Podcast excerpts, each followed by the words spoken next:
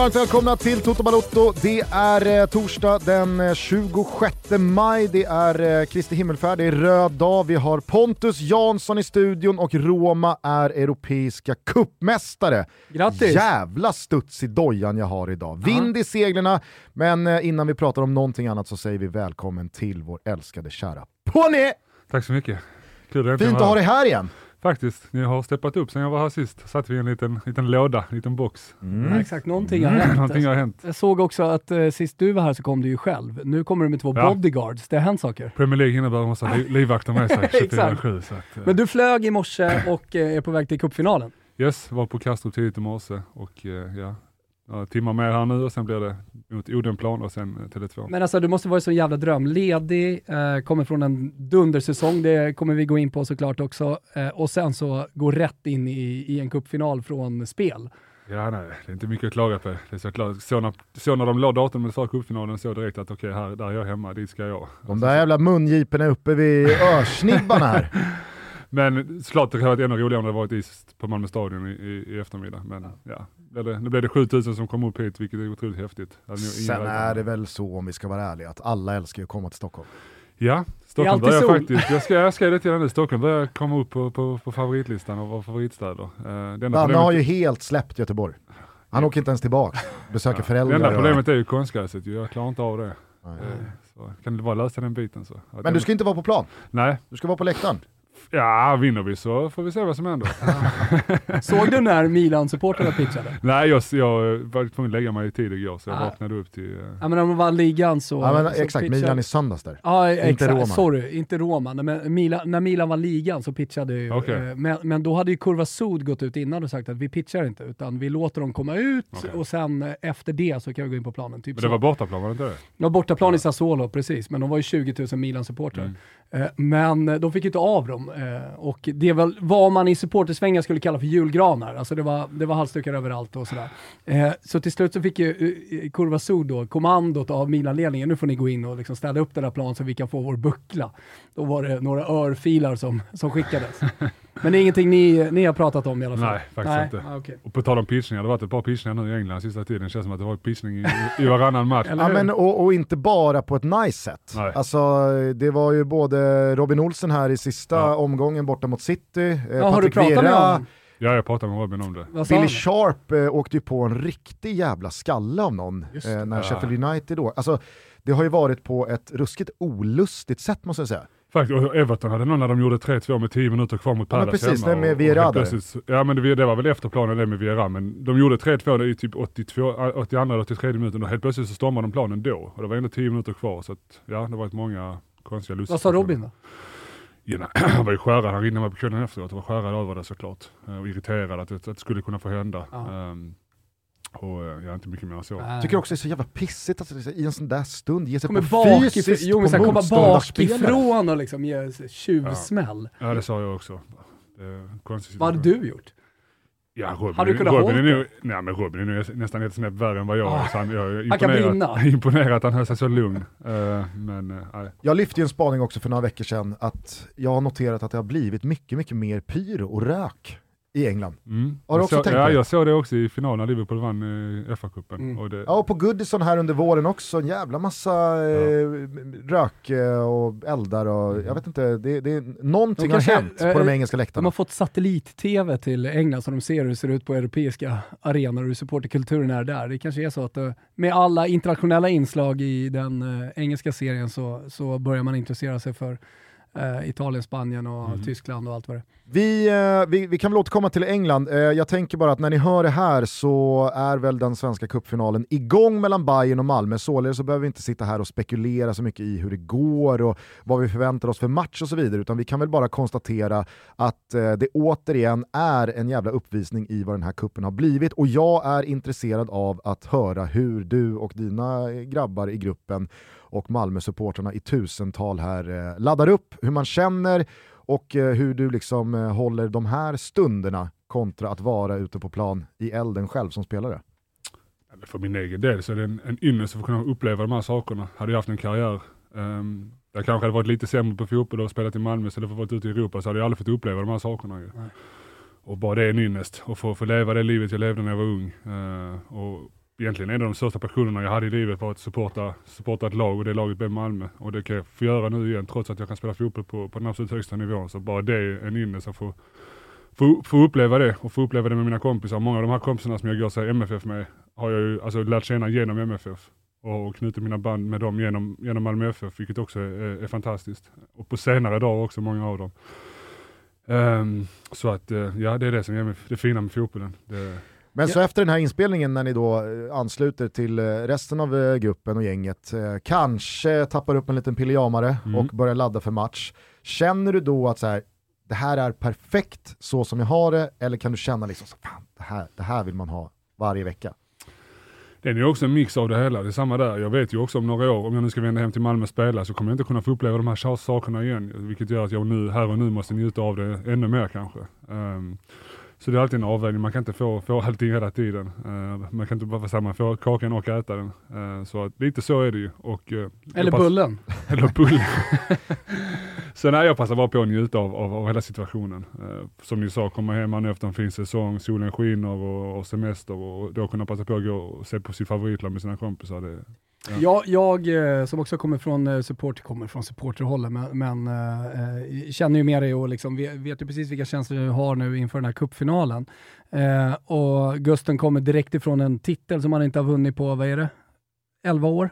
Nej, alltså det är ju fan 21 år sedan eh, ligatiteln. Ja men du har väl vunnit cup emellan? Ja, det är väl 13 år sedan. Ja men det, det är gåshud bara att vinna eh, koppar. Jag, jag har ju liksom sen jag flyttade till eh, Florens 20, 22, 02, har inte vunnit någonting. Eh, så, så, jag vet inte ens hur det känns att vinna en sån titel. Däremot så har jag AIK såklart. Eh, men jag tänkte på det i alla fall. Jag, jag, jag har alltid gillat eh, och fascinerats av eh, spelare, läst deras böcker, följt deras väg, eh, deras karriärer som eh, har spelat men samtidigt eh, då eh, verkligen eh, omfamnat sitt lag och följt med på bortamatcher och så. Och vi har ju två italienska exempel med eh, Zampagna som är Ternana-supporter men som kom hela vägen till Serie A och kunde göra som du ändå följa sitt eh, Ternana i Serie B och Serie C. Eh, och eh, kanske det bästa exemplet, eh, Cristiano Lucarelli från, eh, från Livorno, som gjorde precis samma sak, hade ju en dunderkarriär och eh, kom till slut i Serie A med Livorno och sådär.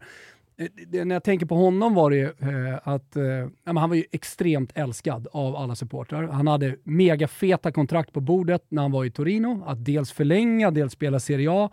Men han valde att gå tillbaka och spela för eh, Livorno, tog upp dem i eh, högsta ligan, vann skytteligan i högsta ligan och de gjorde sin bästa säsong någonsin i sin historia. Men det som hände i Livorno, för liten stad, eh, du vet, du kommer för nära, han börjar spela där. Det var att han hamnade liksom i konflikt med supporterna. Är, där, är det någonting du har tänkt på? Liksom, när du kommer tillbaka, då, då kommer folk, nu ser de på dig som proffset som eh, ändå liksom kommer hem och har det här eh, Malmöhjärtat uppe på cupfinalen och allting. När du kommer hem och är spelare, då, då, då blir du ju över en natt spelaren mm. Pontus mm. Jansson. Jo, jo, men det kände jag ju även under, under de sista säsongerna jag, när jag väl spelade som aktiv i Malmö när jag var 22-23. Och då var jag mycket mer eh, orutinerad än vad jag, vad jag är nu. Då ville jag ju göra alla glada, jag ville alltid säga saker för att, för att de skulle gilla mig, tycka om mig nu. Så, så har man lärt sig med åren vad man säger och vad man gör för att ja, ändå få den där kärleken. Och numera är jag oftast bara mig själv och säger det jag tycker, säger det jag tänker. Eh, men då var det mycket så att jag ville göra alla parter nöjda. Eh, framförallt fansen i första hand nästan alltid och nästan la Malmö åt sidan för att jag skulle göra fansen glada. Och sådana saker har man ju lärt sig med åren. Eh, men såklart, den dagen jag kommer hem så då kommer det ställas krav igen. Gör jag två, tre dåliga matcher så då, då är jag inte samma hjälte. Så att, Av med tröjan. Har, har Birro ringt? Nej, det har han inte. Ah, okay. Får se, han kanske gör det. Han skriver ju många bio, eh, självbiografier. Ja men så är det. Eh, hörni, eh, alla ni som följt eh, den allsvenska våren vet ju att Malmö FF har haft en helt bisarr skadesituation. Man har eh, börjat förlora. Förlusten borta mot Djurgården på eh, Tele2 här för några veckor sedan, det var ju bland det mest surrealistiska man har upplevt när det kommer till Malmö FFs allsvenska förehavanden här senaste decenniet. Den elvan, den asfalteringen, det, det, var, det var märkligt att ta in. Således så känns det som att eh, dagens final inte bara är en eh, kupptitel, en kupptitel man jagat på eh, evigheter här. Alltså det är, vad är det, 89 senast man vann kuppen, 33 år. Eh, utan det finns ju också väldigt mycket mer i potten. Det känns som att hela säsongen kan inte räddas, men svänga om rejält uppåt. Och nu kan man lägga våren bakom sig, man tar en titel, man går in i ett välkommet uppehåll, får tillbaka lite gubbar, sen ska det Champions League-kvalas och så är man inte så jävla långt ifrån toppen av allsvenskan heller. Medan en förlust verkligen då skickar in ännu fler vedträn i den brasa som brinner ganska bra. Eh, som sagt, nu eh, är det säkert många som vet hur den här finalen slutade när ni hör det här. Men om du bara får resonera lite kring de båda utfallen, hur mycket skulle du säga eh, står på spel idag? Um, mycket. Det, det tråkiga och det sorgliga är att jag har lite samma känsla idag som jag hade för, på cupfinalen för, för tre år sedan när MP, Magnus Persson gjorde några av sina sista matcher. Lite den känslan har jag idag och det, det är ingen bra känsla, ingen känsla som jag vill ha för att jag tror på Millis. Jag tror Millis kan vara rätt man för Malmö. Inte bara för den här säsongen utan även för de kommande åren. Och även träffat honom och fått en bra bild av honom och tycker en, han, han verkar bra, verkar klok både som person och som, som tränare. Så att jag vill ju inte att jag ska ha den känslan. Um, men som du säger, det är en otroligt viktig match uh, och skulle man för mig är det en 50-50 match. Jag tror Malmö har bra chans, men Hammarby är ett bra lag, det är hemmaplan för Hammarby och alla de här sakerna. Så det är en ganska öppen match. Men matchen på söndag mot Degerfors, skulle man förlora då och åka upp till Degerfors med, med hängande huvud och tappa poäng upp i Degerfors, då börjar det ju såklart blåsa ordentligt. Uh, för att förlora tre matcher i rad med Malmö FF, det är ju såklart aldrig acceptabelt. Och, och inte med de, den kravbindningen som finns i Malmö. Så att um, det blir en, en, två viktiga matcher här nu framöver. Men eh, är du med på att eh, en, en seger idag och en titel, då är det lite som att man kan stänga dörren till det som varit här april-maj, eller? Både och. Jag tror en seger idag gör det såklart lättare och det ger vind i ryggen inför kommande matcher. Matchen på söndag kommer bli mycket lättare. och Sen efter det så har man ett uppehåll. Men som jag sa återigen, de här två matcherna är nästan som att de, de kommer som ett, som ett block ihop. Eh, två bra resultat här nu gör att man sen kan gå in inför sommaruppehållet med, med en härlig känsla, eller en bättre känsla i alla fall. Eh, med förlust idag och förlust på söndag då kommer det blåsa över hela sommaren i, i Malmö och sen så Sen kan det gå snabbt, så vet man inte vad som händer i de här stora klubbarna. Jag vill inte att Malmö ska vara en sån klubb där det några dåliga resultat och så pang boom ska tränaren bort. Ja. Dit vill jag inte Malmö ska komma. Uh, men menar, det, det, det, är krav som krävs i Malmö och förlora fem matcher i rad om det nu skulle bli så, det är såklart ännu mindre acceptabelt.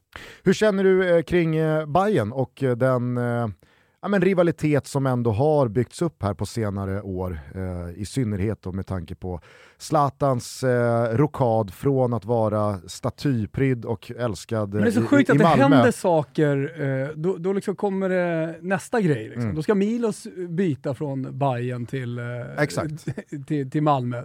Nej, men det, har, det har ju varit eh, en väldigt liksom, upptrappad rivalitet och jag, jag, jag är ingen supporter till, till något av lagen så jag ska inte liksom, gå in och börja ranka olika rivaliteter. Men jämför man eh, banden mellan Hammarby och Malmö idag kontra fem år sedan, enorm skillnad.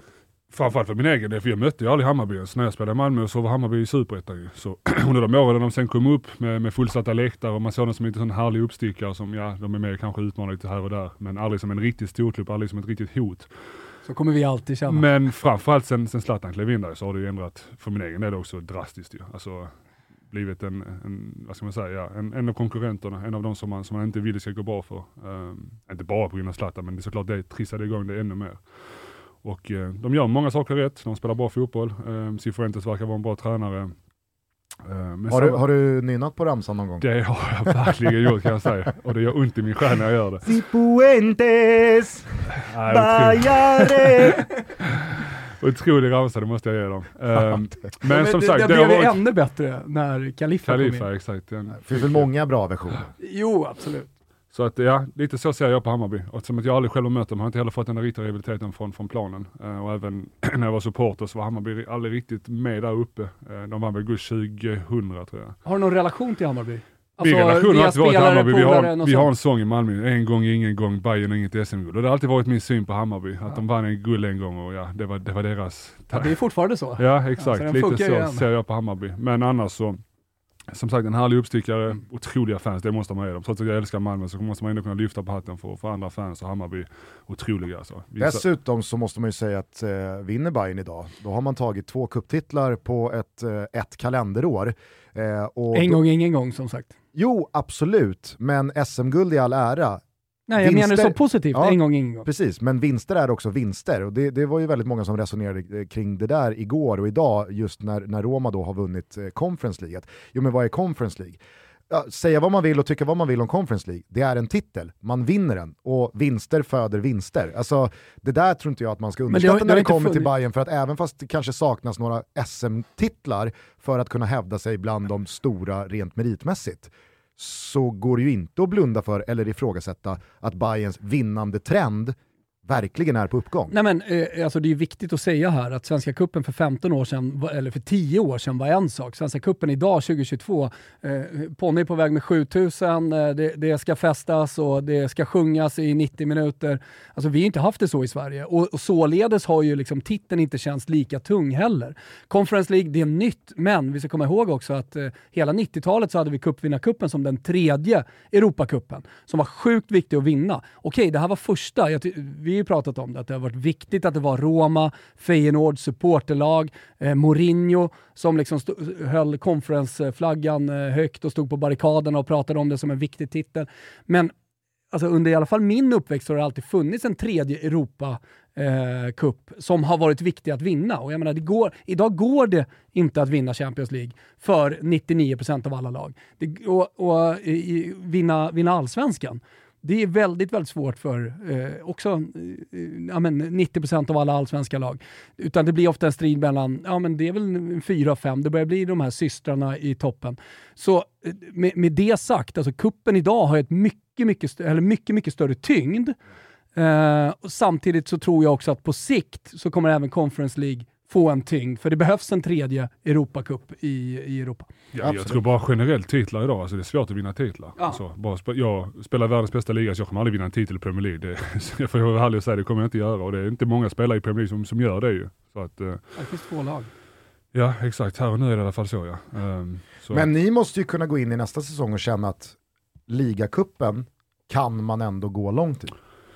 Jo, det så kände vi resonerade lite även, även i år. Vi gick ju till semifinal för två år sedan och vi gick till kvartsfinal i år. Ja. Ehm, så att det är klart, ligacup är en sån som där det finns möjlighet. Och även fast City och Liverpool och Chelsea och några lag till luftar och varvar lite i en sån turnering. Jag menar, skulle Brentford gå och vinna ligacupen, det är någonting du kommer komma ihåg och bära Såklart. med dig om och berätta för resten av ditt liv. Det är väl förmodligen någonting som alla supportrar i Brentford hade alltså, firat i, i, i dagar, veckor. Eh, och det hade sjungits ramser om och minst tillbaka till och det hade varit någon jävla 10-års reunion med, med gänget och 25-års reunion och så vidare. Alltså, det, det för det, det- är en titel. Sen så kan man tycka vad man vill om att City spelar med B11, men det är fortfarande en titel. Jo, men det, det, är ju, det har också blivit så i England de senaste tio åren att ligacupen, FA-cupen, eh, ha, har ju blivit ännu viktigare nu för eh, de bästa lagen. Alltså, förr i tiden såg vi ju många fler av de mindre lagen av typen Brentford som gick hela vägen till final och de här klassiska ja, pitchningarna och liksom galna matcher från eh, kvartsfinal och, och framåt. Men där man verkligen kunde gå långt som, som litet lag också. Nu, nu satsar ju Liverpool och City och, och de bästa lagen på, på cupen också. Ja, det återstår att se vilket lag av Bayern och Malmö som lyfter cupbucklan senare idag. Eh, jag och Thomas önskar i alla fall dig och din grupp en jävla superdag här i huvudstaden Eh, och att ni har eh, väldigt trevligt. Jag, jag tyckte det var friskt och eh, jävla eh, entusiastinjicerande att träffa dina polare här som inte då hade fokat på bärsen och eh, att det skulle liksom, nu, nu ska jag bedöva eh, mig här inför avspark, utan att det, det, det är fokus, det är nerver, man vill vara med, sinnena ska vara skarpa. Ja, jag gillar inställningen. Mm. Jag laddade upp med monsterfrukost här på morgonen också. Faktiskt. Så är det. Levererade. Men Mm. så vet man att någon kommer inte hålla det där. Någon Så- kommer bärsa bort sig rejält. Ja, det blir podd. Toto Balotto är glada, men framförallt stolta över vårt samarbete med Björn Borg. Mm, känner lite lätt på det. Björn Borg. Det är liksom pirrigt och mäktigt att bara säga det. Björn Borg. Och ingen har väl missat deras stora fräscha sortiment träningskläder för både herr och dam som är sprunget ur devisen Train to live. Björn Borgs ambition är att inspirera människor till att uppnå sin fulla potential och är fast övertygad om att träning är en avgörande komponent för att kunna ta sig dit. Det skriver jag sannoliken under på. Allting räknas, det som händer utanför jobbet, på jobbet, oavsett vad det gäller familj och så vidare. Träningen ska in, den är fundamental. Så kika in på björnborg.com och spana in kollektionerna ni också. Och då kommer ni fatta vad jag menar. Om det inte duger att jag tränar de här kläderna så kanske det gör något med er att en viss, äh, äsch, Lionel Messi gör samma sak.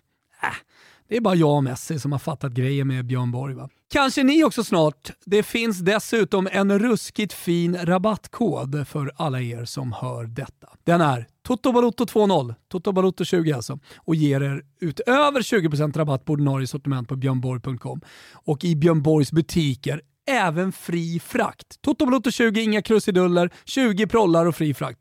Så ja, det är väl eh, helt enkelt bara så att smulan ska av för Björn Borg. Tack för att ni är med och möjliggör Toto Balotto. Vi är sponsrade av Korata.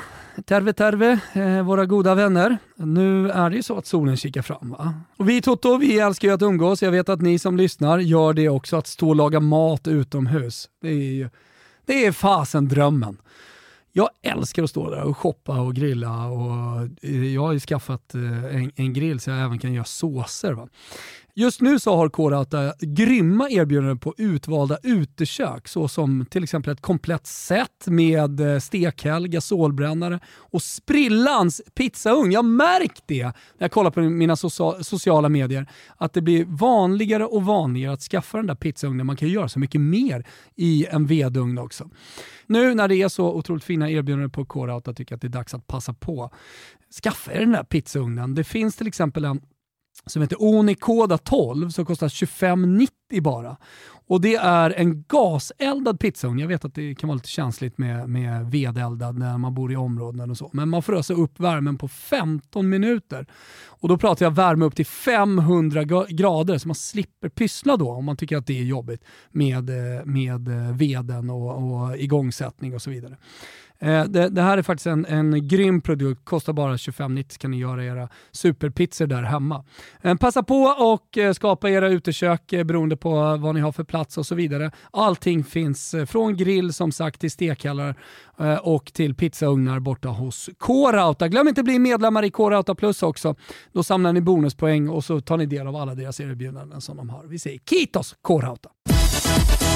Eh, men eh, från det ena till det andra vi kan väl låta Zlatan vara eh, bryggan där, för att även fast han numera ingår i Team Bayern och att eh, han står på rivaliserande sida i, i den konflikten, så aktualiserades ju också eh, Zlatan här i eh, går när alla fick reda på att han har lagt sig under kniven, opererat knä och tydligen så har han spelat utan både korsband, menisk och brosk hela ja, våren. Skadat, men... Likt Johan Mjällby. Mm. det blev den där omöjliga ligatiteln i söndags, men jag tycker egentligen allting efter det har talat för att om det nu bara går att uppbringa någon slags fysisk nivå så kommer han köra på. Alla spelare och alla ledare och alla supportrar vill ju inget hellre än att han fortsätter. Hur har du följt Zlatans eh, senaste dagar och om du ska sätta dig in i den här skadebilden som uppdagades igår och, och försöka ge ett perspektiv på hur, hur omöjligt eller möjligt det är att faktiskt hoppa in och spela lite fotboll när eh, diagnosen verkar vara som den har varit.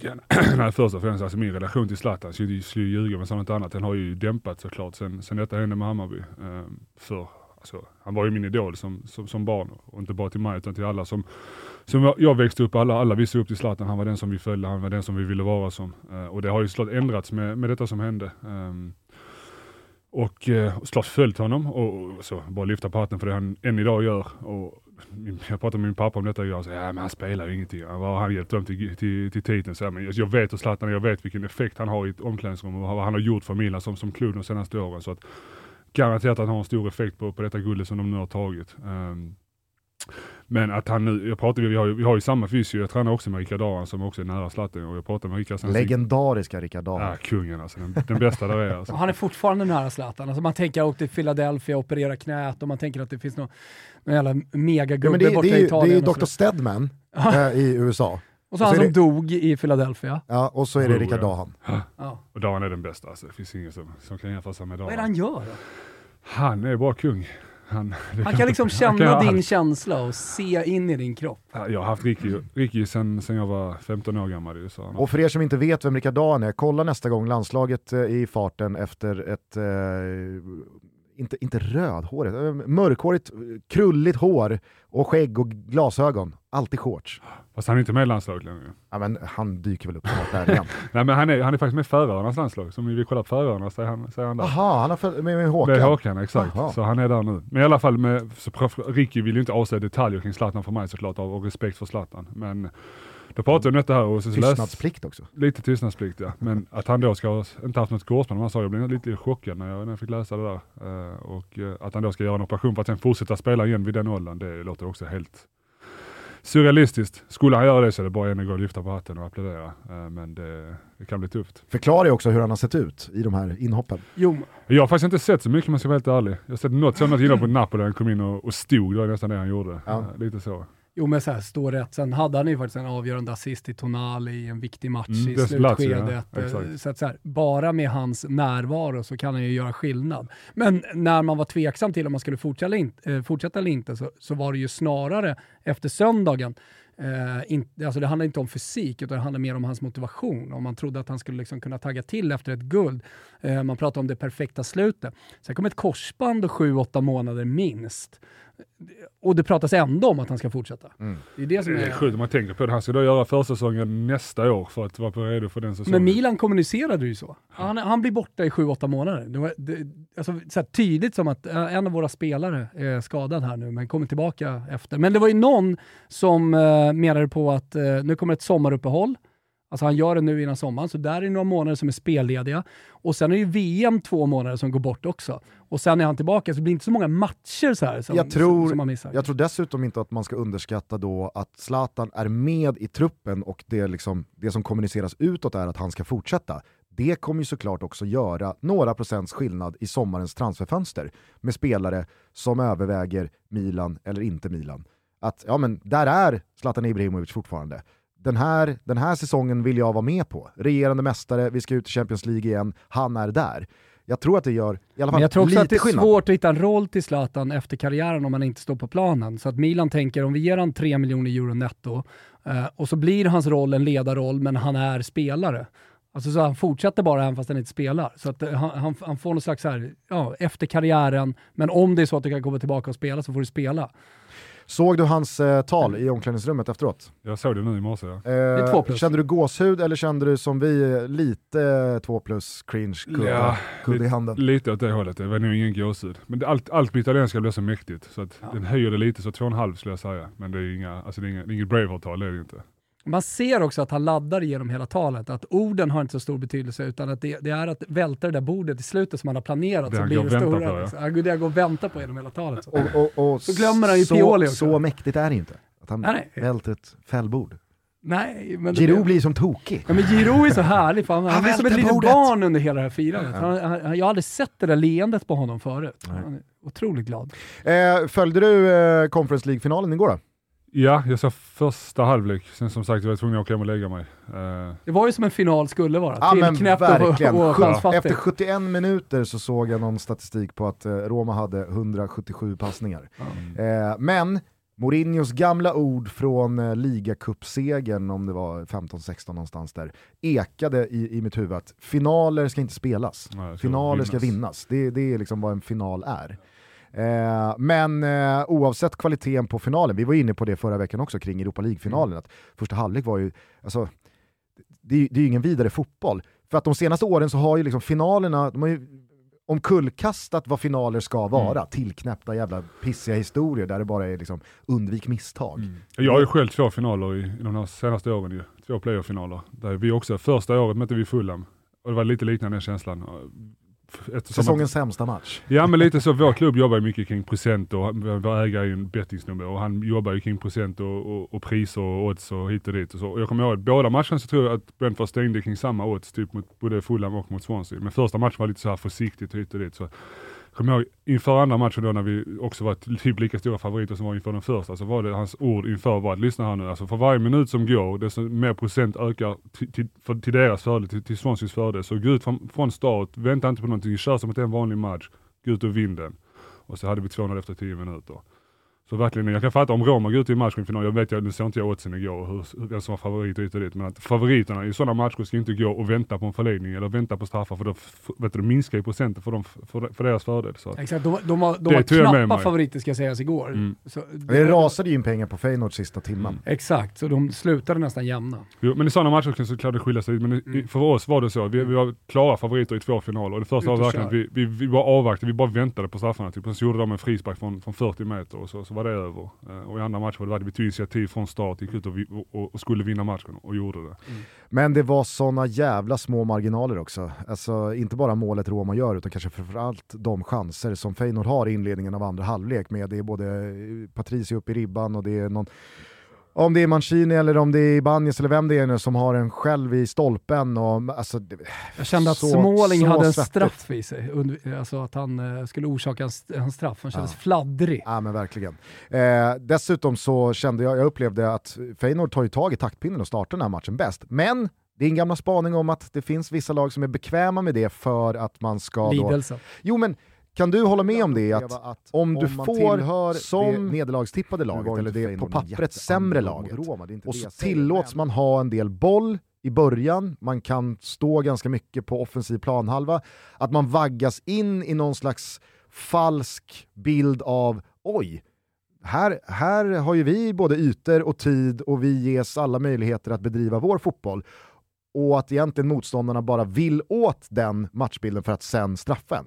Kan, kan det vara, alltså, sker det? Ja, detta känner jag igen så väl från vår första säsong i Premier League nu, så känner jag igen det från, från första halvan av säsongen så var det verkligen så i så många av matcherna, att vi verkligen kände att, eller jag kände att vi, vi är bättre än de här. Alltså. Ah. Och så pang bom så höll vi under med 2-0. För att de hade den kvaliteten, det var så att de lockade upp oss. Så det här känner jag verkligen, och det här lärde vi oss, det här pratade vi faktiskt om inom laget, inom truppen och inom, inom, inom, inom klubben. Och eh, fick bättre bukt med det på, på andra halvan av säsongen. Så det var inte bara Christian Eriksen-effekten utan att vi också växte in i säsongen. Eh, men i början av säsongen så hade vi ett par matcher där det verkligen var så som, mm. som du just nämnde. För jag kommer ihåg det när eh, Roma spelade Champions League-semifinal mot Liverpool 2018 eh, och Roma var så jävla bra på Anfield första kvarten. Och man satt och bara såhär, det här kommer gå, det här kommer gå. Sen stod det 5-0 till Liverpool en timme senare. Och då började Thomas resonera kring just det här. Ja. Att jag tror att Klopp kanske framförallt är en tränare som mer och mer börjar liksom sätta det där systemet, locka upp motståndarna, få dem att tro att liksom, vi har ingen bra dag, ni kan ta några meter, ni kan ställa er lite högre, för så fort vi får det lilla, lilla fingret så kommer vi ta hela handen. Och det kändes som att Mourinho planterade samma fälla igår för Feyenoord. Plus att Feyenoord trivs ju också med det, så ball possession på eh, offensiv planhalva. Eh, Jonas pratade ju om det som eh, expertkommentator, han var ju till och med förbannad. Den 17 minuten sa han det för tredje gången. Att det, det, är bara en jävla massa bolltrillande här av mm. Feyenoord. Alltså, de måste ju skapa någonting också. Och samtidigt som jag sa, alltså, jag sa det till, till, till de jag var och kollade matchen med, att alltså Roma måste straffa det här försvaret snart. För att det är, det är för naivt, det är för högmodigt här. Men eh, det, var, det var en jävla fin stund och jag upplever också att det, det, det kanske inte var, var helt eh, fritt från friktioner nere i Tirana. Men jag hade befarat någonting mycket värre. Jag, såg, jag såg något, en kompis visade mig något klipp, han precis någon som fick duktigt med, med box inne på, inne på stadion. Ja. Ja, men, jag eh, tror det var en italienare. Som sagt, inte helt friktionsfritt. Hamnar på fel sektion. På fel sektion. Men jag hade faktiskt förväntat mig eh, betydligt mer liksom, slagfältsbilder. Ja, det är klart. Eh, och, och med tanke på hur det såg ut förra gången med Roma och Feyenoord. Dels det och med tanke på hur det såg ut i Marseille här i semifinalen när Feyenoord var där. Eh, så att, ja, jag, jag, jag, tycker summa summarum, fan vad, fan vad lyckat allt blev med den här tredje turneringen det är namnet emot. Ja. Det, det, kommer liksom aldrig flyga Conference League. Det blir ja, men också, liksom... också summera lite så här, 2022, Svenska Cupen, eh, med det vi kan förvänta oss eh, inför dagen här eh, och även då de europeiska kupperna. Att det är fullsatt på Stadio Olimpico, det är fullsatt i Feyenoord, vad nu den arenan heter, och det är fullsatt i Tirana och det är en jävla massa folk också eh, utanför arenan. The Cape. Ja, just det, precis. Eh, The Cape. Eh, att så här, jag tycker nästan att de här finalerna är roligare och, än, än Champions League-finalen.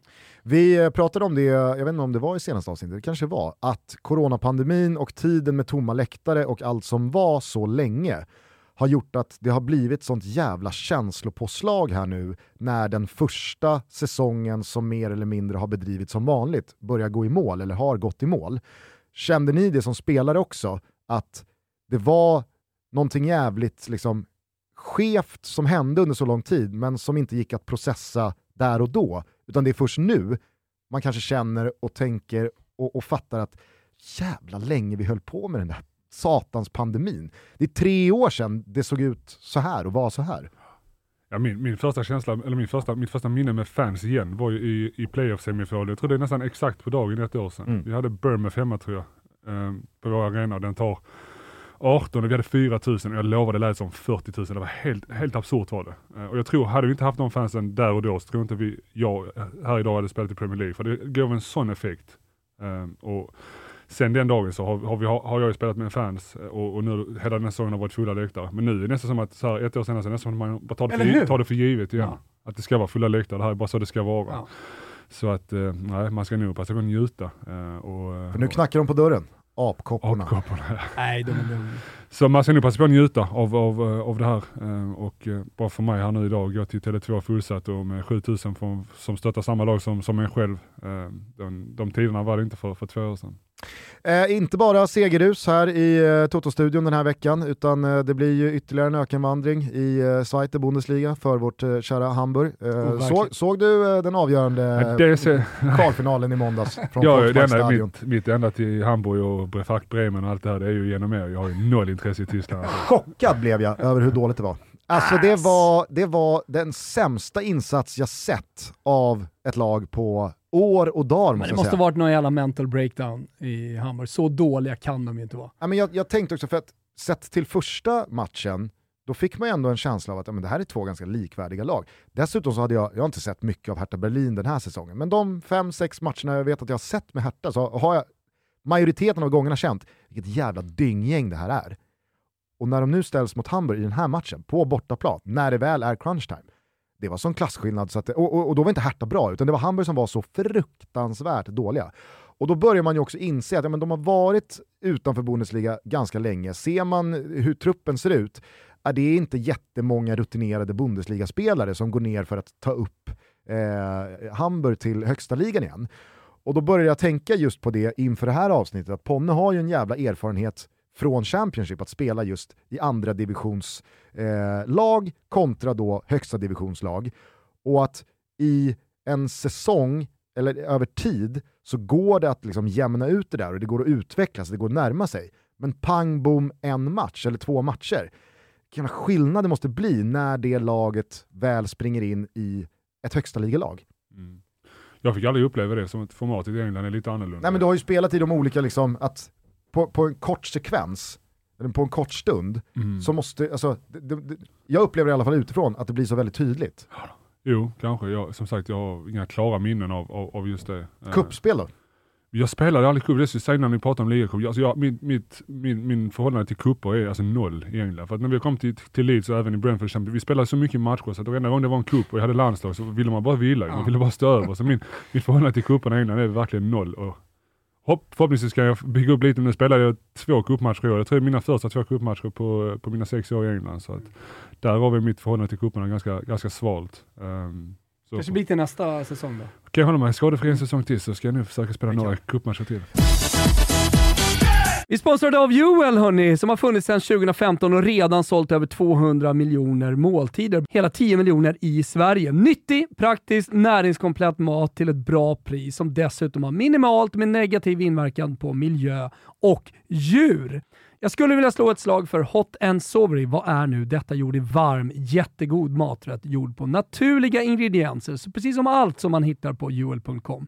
Det finns en pastabaserad och en med ris, quinoa och spannmål. Växtbaserad med samtliga nödvändiga vitaminer och mineraler. Och man blandar produkten med hett vatten och så täcker man över det och så låter man det dra i fem minuter. Ni hör ju hur enkelt det är att äta nyttigt, äta riktigt bra, men på väldigt, väldigt kort tid. För mig är Joel ett lifehack som alla måste testa. Det är perfekt som lunch på jobbet eller nu under dessa tider med så härligt väder att man bara kan ta med den ut på en picknick. Och så tar man med bara en eh, bägare med hett vatten och så ser man till att eh, tillreda den här. Det tar ju bara fem minuter. Ute i naturen, där man vill. Det är långsamma kolhydrater, glöm inte det. Nu är jag inne i en träningsfas och det är väldigt viktigt eh, för mig med långsamma kolhydrater. Men det är någonting som alla borde tänka på. Den släpper ut, den pytsar liksom ut energin långsamt och så håller man sig mätt väldigt länge. Det här är dunder, ni måste testa det. Joel alltså. Man får en gratis t-shirt, mugg och fri leverans när man handlar via juel.com thomas med H och koden är TOTO. Den ger dig även 10% rabatt på ditt köp när du handlar en måltid eh, från Hot and Savory. Så gå in på juel.com thomas med H och testa nu detta. Koden är TOTO. Vi säger stort tack för att ni är med och möjliggör Toto Balotto. Ni vet hur ni laddar upp eh, inför helgen. Ni eh, ser till att köpa de nya otroligt snygga burkarna som Pepsi Max har tagit fram. Det är eh, samma maximum taste, eh, samma kraftsmak i eh, burkarna såklart som alltid med nya snygga. Det finns till exempel en sleek can nu som jag vet vissa är lite skeptiska till, men då kan man köpa den vanliga också. Men jävligt snygga burkar, men framförallt jävligt gott. Nu är våren här. Nu är det Pepsi Max-tider. Ja, men hur ser du på framtiden? Eh, vi, vi, pratade lite innan inspelningen här, du har ett år kvar på kontraktet med Brentford. Eh, du har ju passerat 30-strecket, det är gudsförgätna. Mm. Thomas försöker jobba in 40-strecket som det nya, liksom. det, det, det är tröskeln. Vi får 50-strecket här nu, jag är 42 i år. 43? 43. Känner mig som 16. Eh, nej men eh, du, du tackade ju för dig i landslaget under uppmärksammade former i eh, somras. Jag upplever med tanke då på att eh, du kom trea då i eh, listan över eh, spelare som har spelat flest minuter eh, i Premier League den här säsongen, att det har fått en jävla effekt det där på din, din fysiska status och kanske hur du ser på framtiden, eller? Jo, absolut. Och jag tror framförallt mentalt tror jag. Jag är en ganska grubblande person och vill, vill vara engagerad och vill vara involverad i många saker. Eh, och eh, landslagen blev väldigt vad ska säga, krävande för min egen del. Inte, inte så mycket fysiskt, fysiskt kanske med alla resor och så här, men framförallt mentalt. att Det blev typ Ja, en, en jobbig grej blev det nästan till slut. Framförallt mästerskapet där till slut. Det, det blev inte ens en kul grej. Eh, jag kom dit med, med precis gått upp till Premier League med Brentford, hade en ganska god förhoppning om att spela och sen så missade jag ju genrepet mot, vem var det vi mötte? Georgien? Och sån mm. Jag minns inte vem det var. Uh, för att jag kom precis, Armenien Armenien kanske då, så jag kommit in sent och sen så spelade jag inte premiären och sen blev det bara så hackigt alltihopa. Uh, och sen blev Mackan utvisad där mot Ukraina och, och, så kom jag inte in då heller. Och det var typ lite där och då jag kände att, alltså, är, är det verkligen värt det? Alltså, jag har fått absolut en ära att spela landslag hit och dit. Uh, och alltid varit och kommer ta med mig det tills, ja, alltid att jag spelat i landslaget. Men jag fick inte de kickarna av det och sen Sen så att det var där och då när jag värmde upp, eller när jag och Fille värmde upp och Fille var den som kom in att okay, nej nu är det över. Det var inte där jag kände, men det byggdes upp där de kommande dagarna och sen pratade jag med min familj och så, sen kände jag bara att alltså, men, det, det, är inte värt det. Men hur mycket har familjen liksom påverkat också? Jag tänker när, när det bara var du och Åsa utan barn, eh, då, då, får man ändå ganska mycket tid eh, med varandra. Men eh, när du reser mycket och det är borta matcher och träningar hela tiden och sånt där, eh, så, så när, och när man har barn så vet jag, det blir, det blir annorlunda, det blir ett annat liv. Och eh, vara borta då från barnen efter en lång säsong eh, där man redan har varit borta mycket, eh, åka iväg i tre, fyra veckor eller ännu mer om det är samlingar innan och sådär. Ja, nej, jag, jag, tror bara alltså, så, man, man, jag lär, försöker lära mig hela tiden av, av misstag, både på plan men framförallt utanför. Vad kan man hela tiden göra bättre? Jag, hela min karriär har nästan alltid varit väldigt hektisk och intensiv. Först med, med Ventura i, i Torino där det var långa träningar, långa dagar, många hotellnätter och sen till något som var ännu värre i Bielsa där det var helt, helt extremt. Så mentalt var det väldigt krävande och sen på, på det så skulle man åka med landslaget så spelar man inte så blir man irriterad. Det var många saker som gjorde att det blev hack i vardagen. Um, Medan detta året har det varit från start, har det bara varit harmoni genom allting.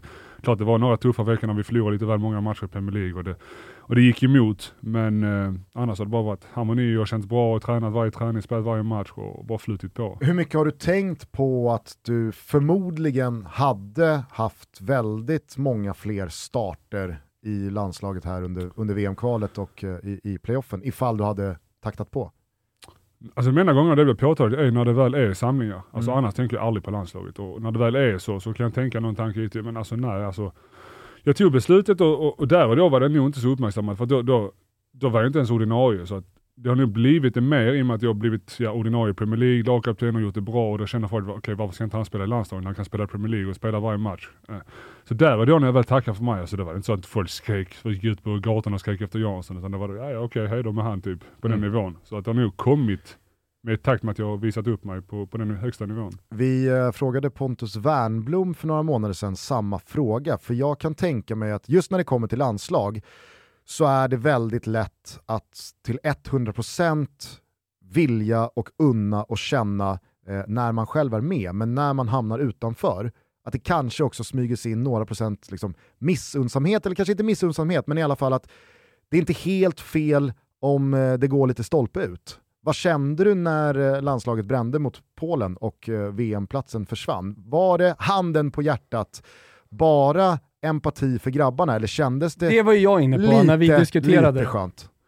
Uh, skönt var det absolut inte. Uh, framförallt för att jag fortfarande alla, alltså min relation med Janne är fortfarande klockren. Alltså. Nej, jag, jag menar inte skönt gentemot dem, att haha, nu, nu mår de dåligt och nu upplever de en, en förlust, utan kanske för din egen skull, att det inte blev ett VM som då i höst du behöver stå vid sidan av. För det har ju ännu inte kommit ett mästerskap där du inte har varit med mm. den här sidan om ditt beslut. Ja, nej det är sant. Eh, det enda som jag slipper med detta är såklart frågorna inför kommande mästerskap. Och det är kanske inget jobbigt med det, att bli frågad vill du vara med i landslaget spela VM, det är klart det är en ära. Eh, men av den anledningen så kanske jag lite med annars så var det bara att jag tyckte det var tråkigt som man följer. Jag följer det som en, som en supporter. Så som jag följde Malmö idag så följde jag Sverige under, under, under kvalet här nu ju. Um, och eh, tråkigt att de inte lyckades. Eh, så att nej, det fanns absolut inget sånt om jag ska vara ärlig. Men på tal om de känslorna, eh, om vi bara går till klubblaget, jag tänker att det hänger ihop. Det, det, det vart ju ändå, nu kanske inte det nådde dig jättemycket, men det vart lite snack i alla fall här hemma, när Leeds inte gick upp till, eller när Leeds med dig inte gick upp till Premier League och sen så blev det Brentford, så gick Leeds upp. Har du känt någon slags revanschkänsla under det här året och när ni gick upp? Och kanske framförallt nu när du summerar, de känslorna kanske borde komma nu då. Att det har varit så men Ponne, kommer han någonsin till Premier League eller ska man fast i Championship? Och så har du ju, ja, du har gjort den säsongen du har gjort, varit totalt bärande, stor ledare i laget, spelat tredje mest i hela Premier League. Äh, men det måste ju till och med ligga liksom, erbjudanden från eh, Europa eh, aspirerande lag i, i Premier League eh, till dig under den här sommaren.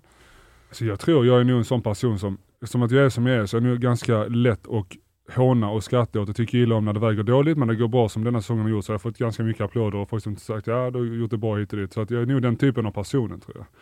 Det är klart att det var mycket, framförallt från Leeds så var det ju helt, jag fick ju nästan ta bort sociala medier under, under den säsongen. När jag spelade i Brentford och tävlade mot Leeds och de var de som gick upp och vi misslyckades i finalen. Det var, ska vara helt ärlig var det ganska jobbig tid. Eh, och sen se mina kompisar, och där och då var Leeds mitt lag, alltså jag hade verkligen starka känslor för Leeds. Och se dem i Premier League när jag fortfarande var och harvade i Men där var du ju stor, där la du ju ut också mycket känslor och gratulerade mm. Leeds. När de dessutom också gjorde en sån jävla fin första säsong som de gjorde. Mm.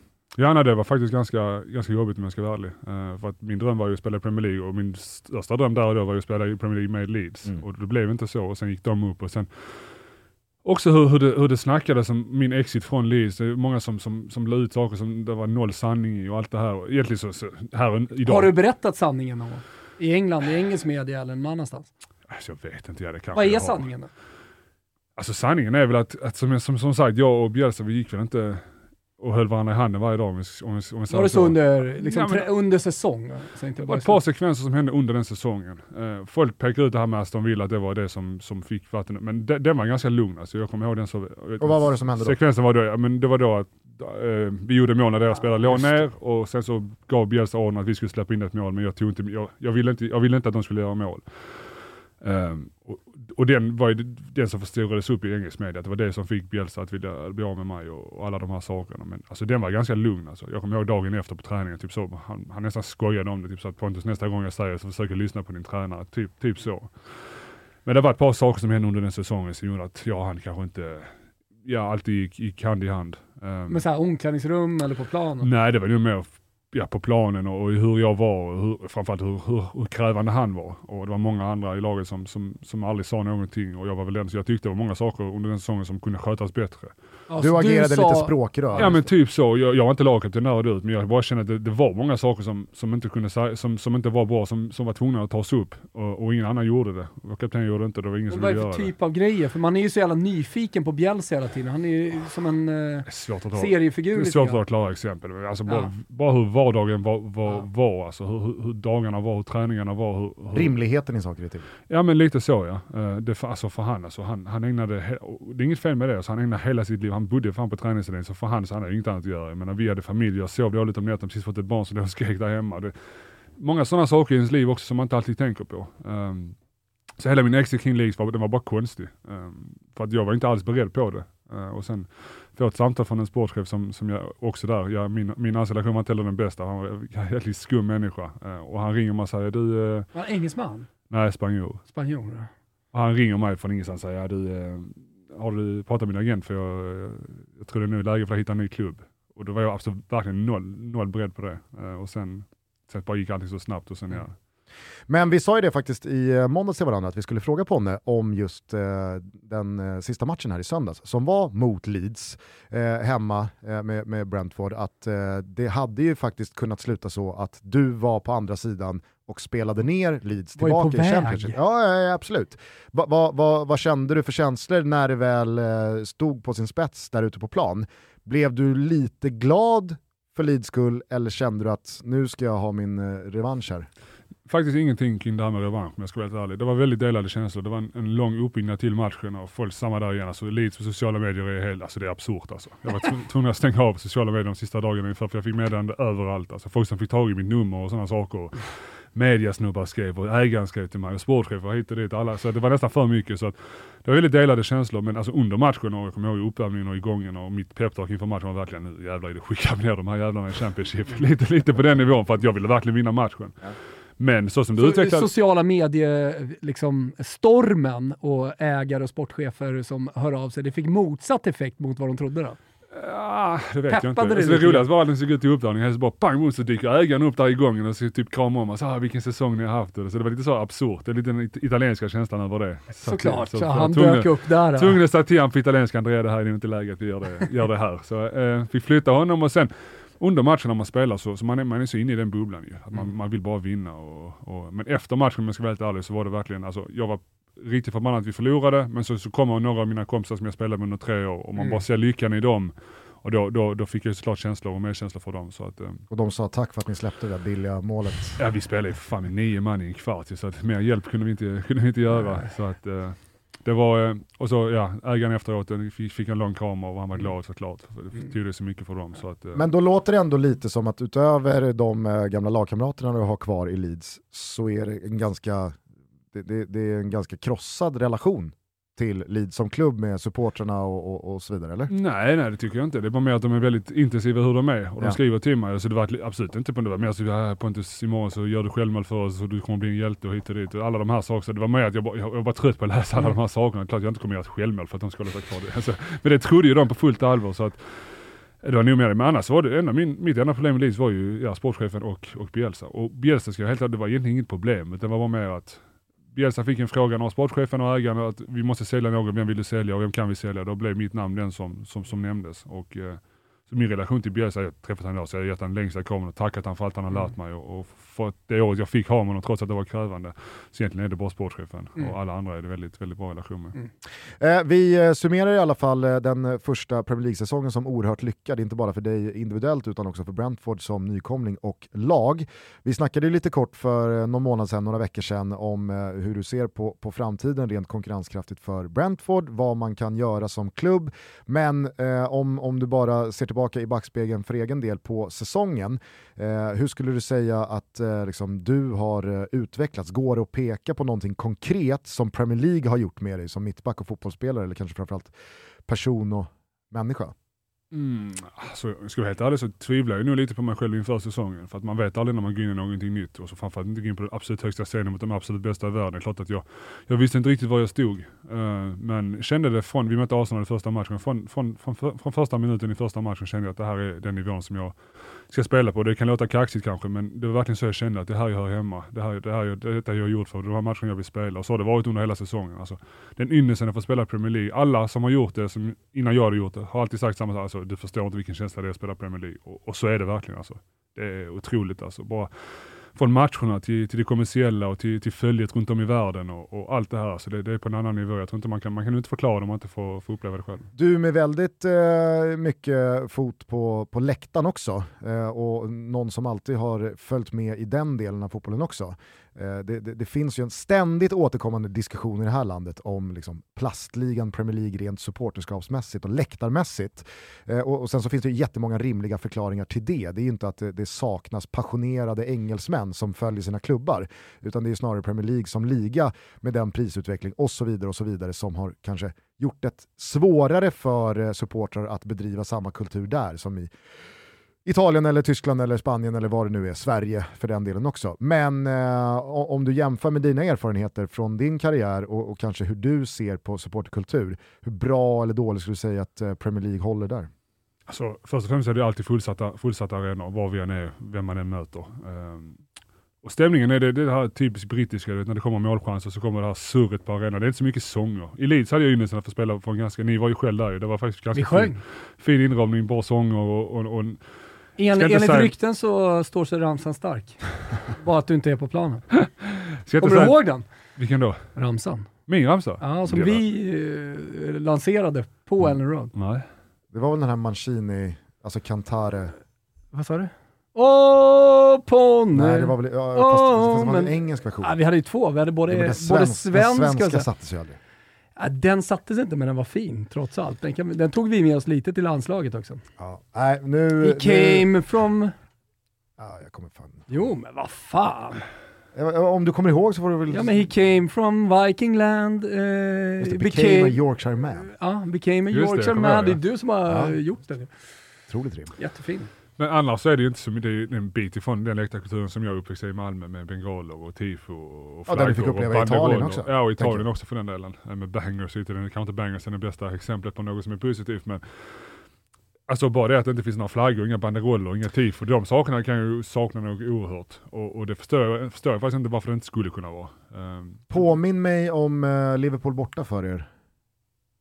Förlorade 3-0. Och det var hur bra drag? Nej, det var faktiskt riktigt svagt. Fint!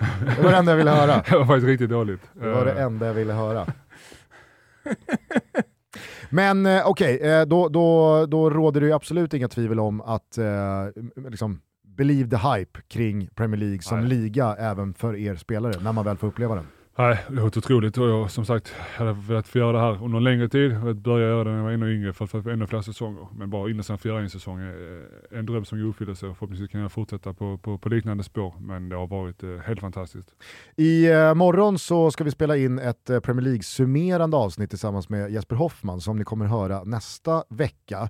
Han ska lista lite årets eh, mittfältare och försvarare och anfallare och tränare och nykomling och utropstecken och det ena med det tredje. Är det någonting du vill eh, skicka med oss eh, in i det avsnittet som du verkligen tycker ska lyftas? Någon spelare eller något lag eller eh, någon besvikelse eller utropstecken eller vad du nu kan bidra med. Du får ställa frågor så svarar jag på dem i så fall, ta upp saker. Det är nog svårt. Alltså ja, men, äh, vilken är din, alltså, den bästa nya bekantskapen? En spelare som du aldrig hade hört talas om för ett år sedan? Som du bara liksom, wow, vad fan var det här?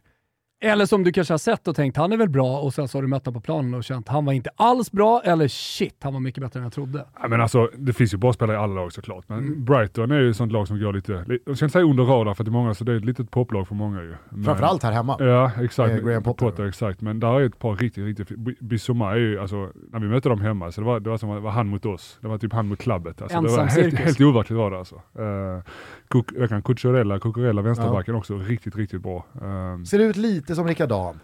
Det gör han faktiskt, det är en bra, bra liknelse. Uh, men sen, så, och det roliga med dem är att de har fortfarande behållit lite av det här, det är Brighton som jag mötte i Championship, lite, nu kanske inte är jättemånga kvar, men Dunk till exempel, Duffy är där väl, uh, Webster var också en Championship-spelare. Uh, som behållit den här touchen, lite, lite liknande resa så som vi har gjort ju. Um, och Brighton och, och, och Brentford är väl ganska lika i sig och de gillar inte varandra ägarna eftersom att de är båda bettingsnubbar och pratar rätt mycket skit om varandra. Ja.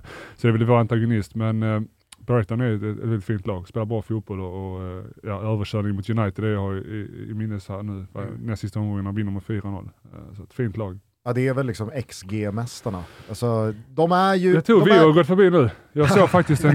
det också, vi sen XG, det är sånt där som kommer på måndagsmötet med bettingpresidenten. Att så här, här har vi XG-statistiken. för oss där vi låg, eh, vi slutade femma för hela säsongen, vilket är starka papper. Nej, men jag tror att Brighton på riktigt är en, nu, nu, är det ju såklart svårt att eh, hitta dels en sån spelare som vill gå till Brighton och uppringa de pengarna det kostar till en liga som Premier League. Men Brighton känns ju som att de är en 23-målsskytt ifrån att på riktigt utmana om de sista Europaplatserna. Det tycker jag inte är för stora ord, för att det är ju så många matcher som Brighton både dominerat, förtjänat att vinna, men de är ju för dåliga på att göra mål. Jag tror man sa vi beviset. Här har vi beviset. Så I topp har vi Manchester City, Liverpool 2, Chelsea 3, Arsenal 4 och sen kommer Brentford. Före lag då som till exempel Tottenham, Manchester United, eh, har vi något annat storlag där. Men alldeles oavsett, alltså eh, points, ni är ju inte jättelångt ifrån Arsenal heller. Så... Starka pappor. Och det är ju lite så de jobbar. Brentford har alltid varit det. Takt också med att han är som han är Men jobbar en mycket... iPhone 8 eller? Nej, vadå? med, eh, med vilket eftertryck eh, liksom, eh, skulle du vilja summera Dejan Kulusevskis första halva i, i Premier League? Är du förvånad över att det gick så jävla snabbt och att det gick så jävla bra? Ja, men det måste jag säga att jag är. Alltså, han kom perfekt in i den trion med, med Son, Son och Kane. Ju. När vi mötte dem så var det ju eh, Lukas Mora som spelade och då kände man verkligen okej, okay, ska vi göra någonting här så tar vi dem åt, åt den sidan där Lukas mm. Mora är. För att det är en annan, inte alls samma nivå som, som Kane och Son, men Dejan har ju kommit in och gjort det fantastiskt. Han var inte så bra när vi mötte dem eh, och jag hade ganska bra kontroll på dem, men han har ju haft en fantastisk säsong sedan han kom. Eh, och den trion är, den är nog inte lätt att jobba med. När eh, han eh, kom upp i, i, landslaget så var det ju fortfarande en del mm. av, av Jannes gäng. Eh, om, du, om du jämför Dejan Kulusevskis inträde på den yttersta nivån med Alexander Isak, var det ungefär samma typ av råtalang och känsla kring att här vilar det något stort, eller har du förvånats mer över att Dejan är den spelare han är? Jag tror nog att det har imponerat mer på mig nu här. Jag, jag ser inte alls den potentialen i honom när jag såg honom första gången. Han var absolut jättebra. Men Alex och mig var på, på en helt annan nivå. Mm. Uh, och nu har inte jag det kommer jag ihåg när du sa, och Lustig var väl där också, bara så här, den här jävla Alexander ja, Isak. Va, vad är det som pågår? Och så var det verkligen, han hade väl en, det fortsatte väl så i, i början av kvalet också, där han var otrolig. Och sen har jag inte sett honom, om jag ska vara ärlig, under, under säsongen i Sociedad. Spanska ligan är inte jättehet i, i mitt hem. Uh, så att jag har inte sett så mycket matcher. Men eh, han har ju, alltså, den potentialen som han, och den talangen som Alex har, den dör ju inte bara ut över en dålig säsong. Utan jag är helt övertygad om att han fortfarande har den att det, han kommer att komma igång. Och när han gör det och får ordning på allting så, så snackar vi en av de, eventuellt en av de bästa niorna i världen de kommande åren. Den potentialen ser jag i alla fall. Och håller du fortfarande då Alexander Isaks potential som högre och större än den Kulusevskis? Jag tror, Eller har det finns en, att svänga lite? jag tror mer att det finns en brist på nior i, i fotbolls-Europa. Alltså det finns ju knappt några nior där ute. Och Alex är väl en av de som det snackas om. Han snackade som en av niorna att gå till Arsenal. Och snackar vi eventuellt en av de fyra största klubbarna i Premier League. Och, och, och, Alex är en av de som ska vara nian i det laget. Det säger allt för mig. Mm. Uh, så att uh, jag tror nog att uh, de är jämbördiga, men såklart jag är jätteimponerad och det är det han har gjort. Det är inte lätt men sen handlar det väl väldigt mycket också vilken tränare man får, vilken klubb man hamnar i, uh, att allting faller rätt ut. Kollar man på Real Sociedad under det här året så lär de ju inte ha kommit femma, de kommer väl sexa i ligan, men de lär inte ha kommit femma i expected goals. Utan de, äh, de har ju skapat väldigt lite och sett uh, jävligt trubbiga ut under hela säsongen. Och det är också nia, alltså det blir positions eh, baserat också. Eh, Kulusevski kommer perfekt in i en trio med Son och Kane, där de assisterar varandra, alltså fantastiska världsspelare på, på de positionerna. Eh, nu vart eh, Odriozola, Odriozola fan, eh, Som du för övrigt basunerade ut här för några dagar sedan, här, din gubbe. Ja. Du har, inte, du, har, du har aldrig hört dig lyfta Stella tycker väldigt mycket om honom. ja. Jag tycker du, när han kom så vad är det där för könlös, sval gubbe? Jag älskar honom tycker han är fantastisk. Eh, vad heter han? Vem? I eh, Real Sociedad. Oyarzabal? Oyarzabal blev ju skadad också och det hjälpte inte heller det Nej. anfallet. Eh, ja, och sen så har han haft skador också under säsongen, Alexander Isak. Så det har liksom varit en upphackad säsong i ett lag som eh, långt ifrån har liksom skapat mest i den spanska ligan. Mm. Du som eh, lever och bor, inte bara spelar i Premier League, utan liksom framförallt ja, lever och andas England dag ut och dag in.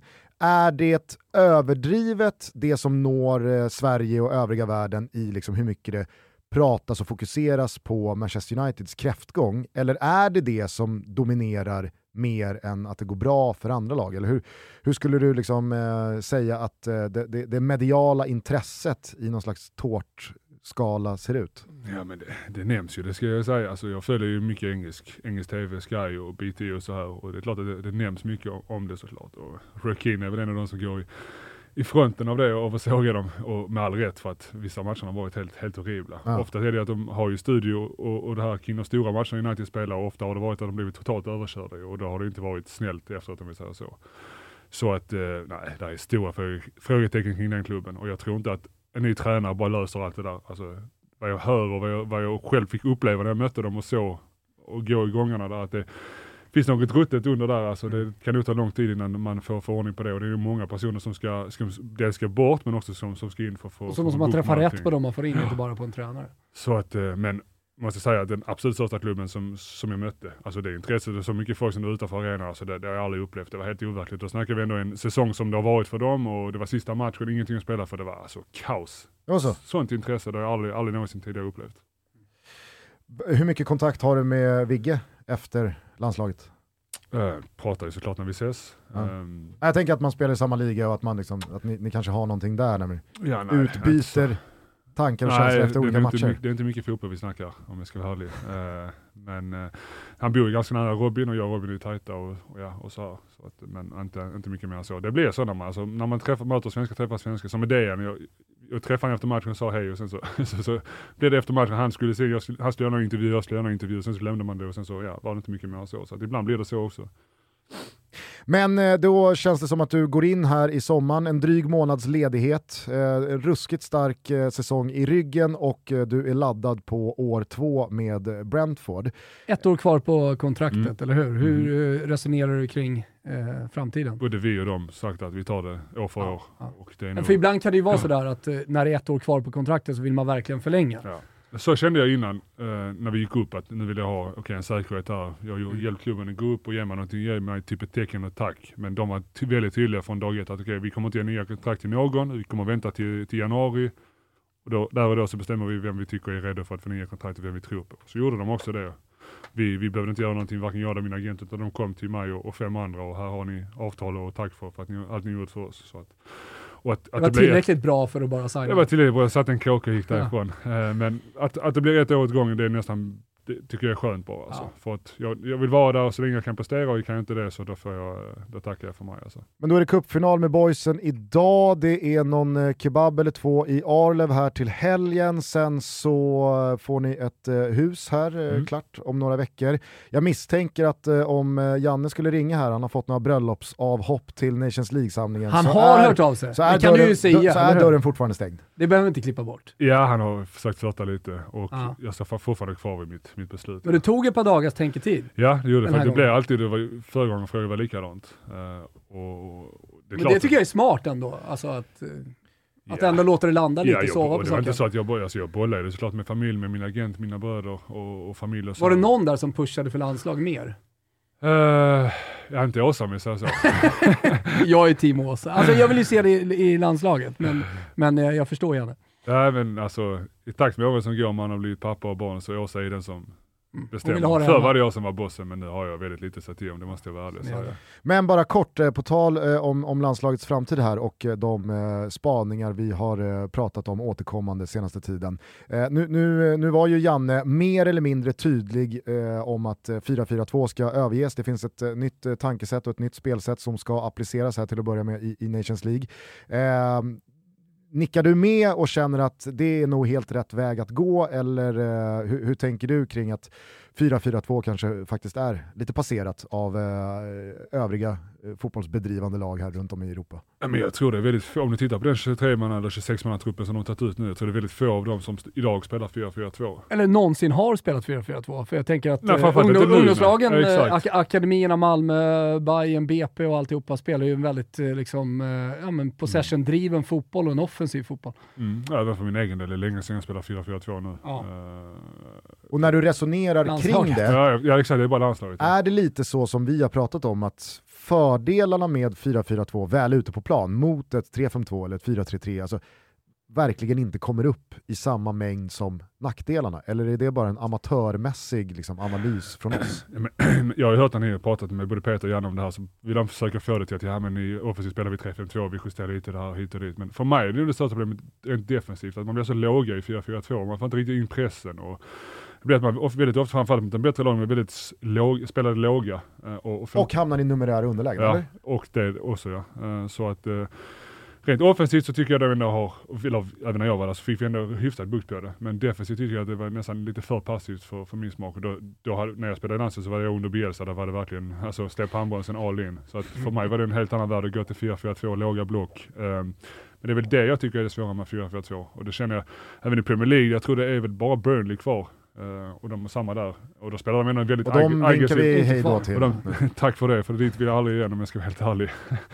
Men Skönt att höra på något sätt alltså, att man kan hata Burnley. Det är ingen Turf lyssnare som hör av nej, sig. Tack. Vi uh, mötte Burnley, jag tror det var omgång 8. Då låg vi under med 3-0 efter 30, kunde stått utan krydda nu 6-0. Och jag sa efter matchen, jag ska aldrig hit igen. Om det ska kosta min karriär, om jag ska, ska ner i Championship och de stannar kvar, jag ska inte hit igen. Spelade Ashley Barnes? Nej, han, han, kom in sista fem och var en jävel, skulle håna. Så För att jag har, eh, jag har faktiskt tänkt på det när jag har sett Ashley Barnes här under säsongen. Att det där känns som en anfallare som Ponne skulle kunna känna att han är så jävla jobbig att möta, han är så jävla mycket bättre än vad kanske folk liksom så här förstår eller tänker och att han är, så här, han är perfekt för att spela i Burnley och att det är en sån här spelare som kan ta sig in under ditt skinn. Snart klar för, ja, men, för Brentford. Alltså, missförstå mig rätt, att, så här, du har lättare att stoppa Harry Kane i fickan än Ashley Barnes. Så jag har ju den, jag, kan, alltså, jag längtar så mycket till att jag ska möta Haaland nästa år. Alltså, jag ska slakta honom. Han kommer såklart, han kommer säkert köra över mig. Alltså, men jag har ju en sån förhoppning att bara äta upp honom. Alltså. Jag har ja, ju norrman i mitt lag ju. Det är jävligt kul att du säger det, för att jag har tänkt, eh, kommer ni ihåg när eh, Manchester City mötte Dortmund i förra säsongens Champions League? Och så blev det en löpduell mellan Haaland och Ruben Diaz som bara några veckor senare röstades fram till eh, Premier Leagues bästa spelare. Men när hålet väl sprang in igen axel mot axel, han flög ju som en liten vante. Och så tänker jag på den där gången när Milan var på besök på Swedbank hette den ju då, stadion i Malmö, eh, och skulle spela någon eh, uppvisningsmatch mot Malmö. Och så blir det då en, liksom, man ser den från långt håll, att nu kommer Ponne och Zlatan springa in i varandra här, axel mot axel. Man bad en stilla bön för dig, och två sekunder senare så är det Zlatan som ligger ner på marken. Alltså chocken när man hade liksom bevittnat den duellen gör att jag nu är ruskigt spänd på den första liksom, duellen mellan mm. Ponne och Haaland. Han kommer säkert ringa, alltså han spelar i ett fantastiskt lag, så han kommer säkert ringa hattrick och det här kommer säkert jag få äta upp av City-fans senare. Men jag har bara förhoppning om att bara slakta honom alltså. Som sagt, jag har norrman i mitt lag som hela tiden är på mig, alltså Haaland kommer äta upp den, så han till mig varje gång. Så att, eh, han den, vet vad han gör också. Ja, han får igång mig, så ja. den, eh, den gillar jag. Det är, där är jag fortfarande ganska... Alltså, jag Spelschemat jag, kommer i juli va? Brukar det komma? Mm. Ja, jag vet att inte jag är världens bästa spelare längre, men när jag får ett uppdrag så här, lyssna på Pontus, ta den här killen. det förstår, förstår man rätt. Jag, när jag får ett uppdrag, när var du världens bästa spelare? Nej det har jag aldrig varit, men mitt eget huvud har jag varit det någon gång. Men när jag får ett uppdrag så lyssna på Pontus, ta den här spelaren i 90 minuter, han är din. Då, då är jag som, det, det, tror jag, då, då passade mig perfekt. Så hade jag med Kane, jag hade någon match med Benteke, Um, när jag har de duellerna så hade jag mycket med Bielsa, jag gjorde min bästa individuella säsongen och det var mycket man-man. Uh, och, och, där, är jag, där är jag ganska stark fortfarande. Men så den enda du inte kan kontrollera det är Ashley Barnes? Ja, han... ja, han uh, han, Sista bossen. Han, exakt, vi kom, då var man inte häftigare på Turf Moor mot ett lag som alla sa ja de kommer åka ut och så ligger man under med 3-0 så kommer han in sista fem ner vid hörnflaggan och ska leka lite ball. Då är det mm. inte jätteroligt. Nej, jag fattar det. Men fan vad kul då, då ringar vi in första matchen mellan Brentford och eh, Manchester City så fort vi får Premier Leagues eh, spelschema. Eh, underbart, är det någonting eh, som eh, vi eh, inte har avhandlat? Det är Nej, för fan en Champions League-final om två dagar. Ja, har du någon take på hur du tror det går mellan Real Madrid och Liverpool? Alltså nu måste väl verkligheten springa ikapp Real Madrid, det är min första tanke på det. Alltså de har gjort det bra men alltså, med, ja, tillbaka till det där med expected goals, expected, alla de här sakerna så ska ju inte Real egentligen vara i final. Så att eh, tanken är väl att nu kan det kanske jämna ut sig lite. De lever i ett eget litet uh, universum med Real Madrid. Ja, lite de driver så. en alldeles egen liten mordutredning. Ja, men jag tror det. Ja. Men jag tror Liverpool blir för starka för dem. Liverpool är också ett eh, otroligt lag. Eh. Men sett till det här vi pratade om tidigare, när ni mot Fulham startade matchen eh, liksom i ett rasande tempo så. Är det Liverpools väg att gå eller är det Roma vänta in? Jag tror nog att Liverpool kommer gå för det från, från start. Um, och det bör de göra, de är ett bättre lag.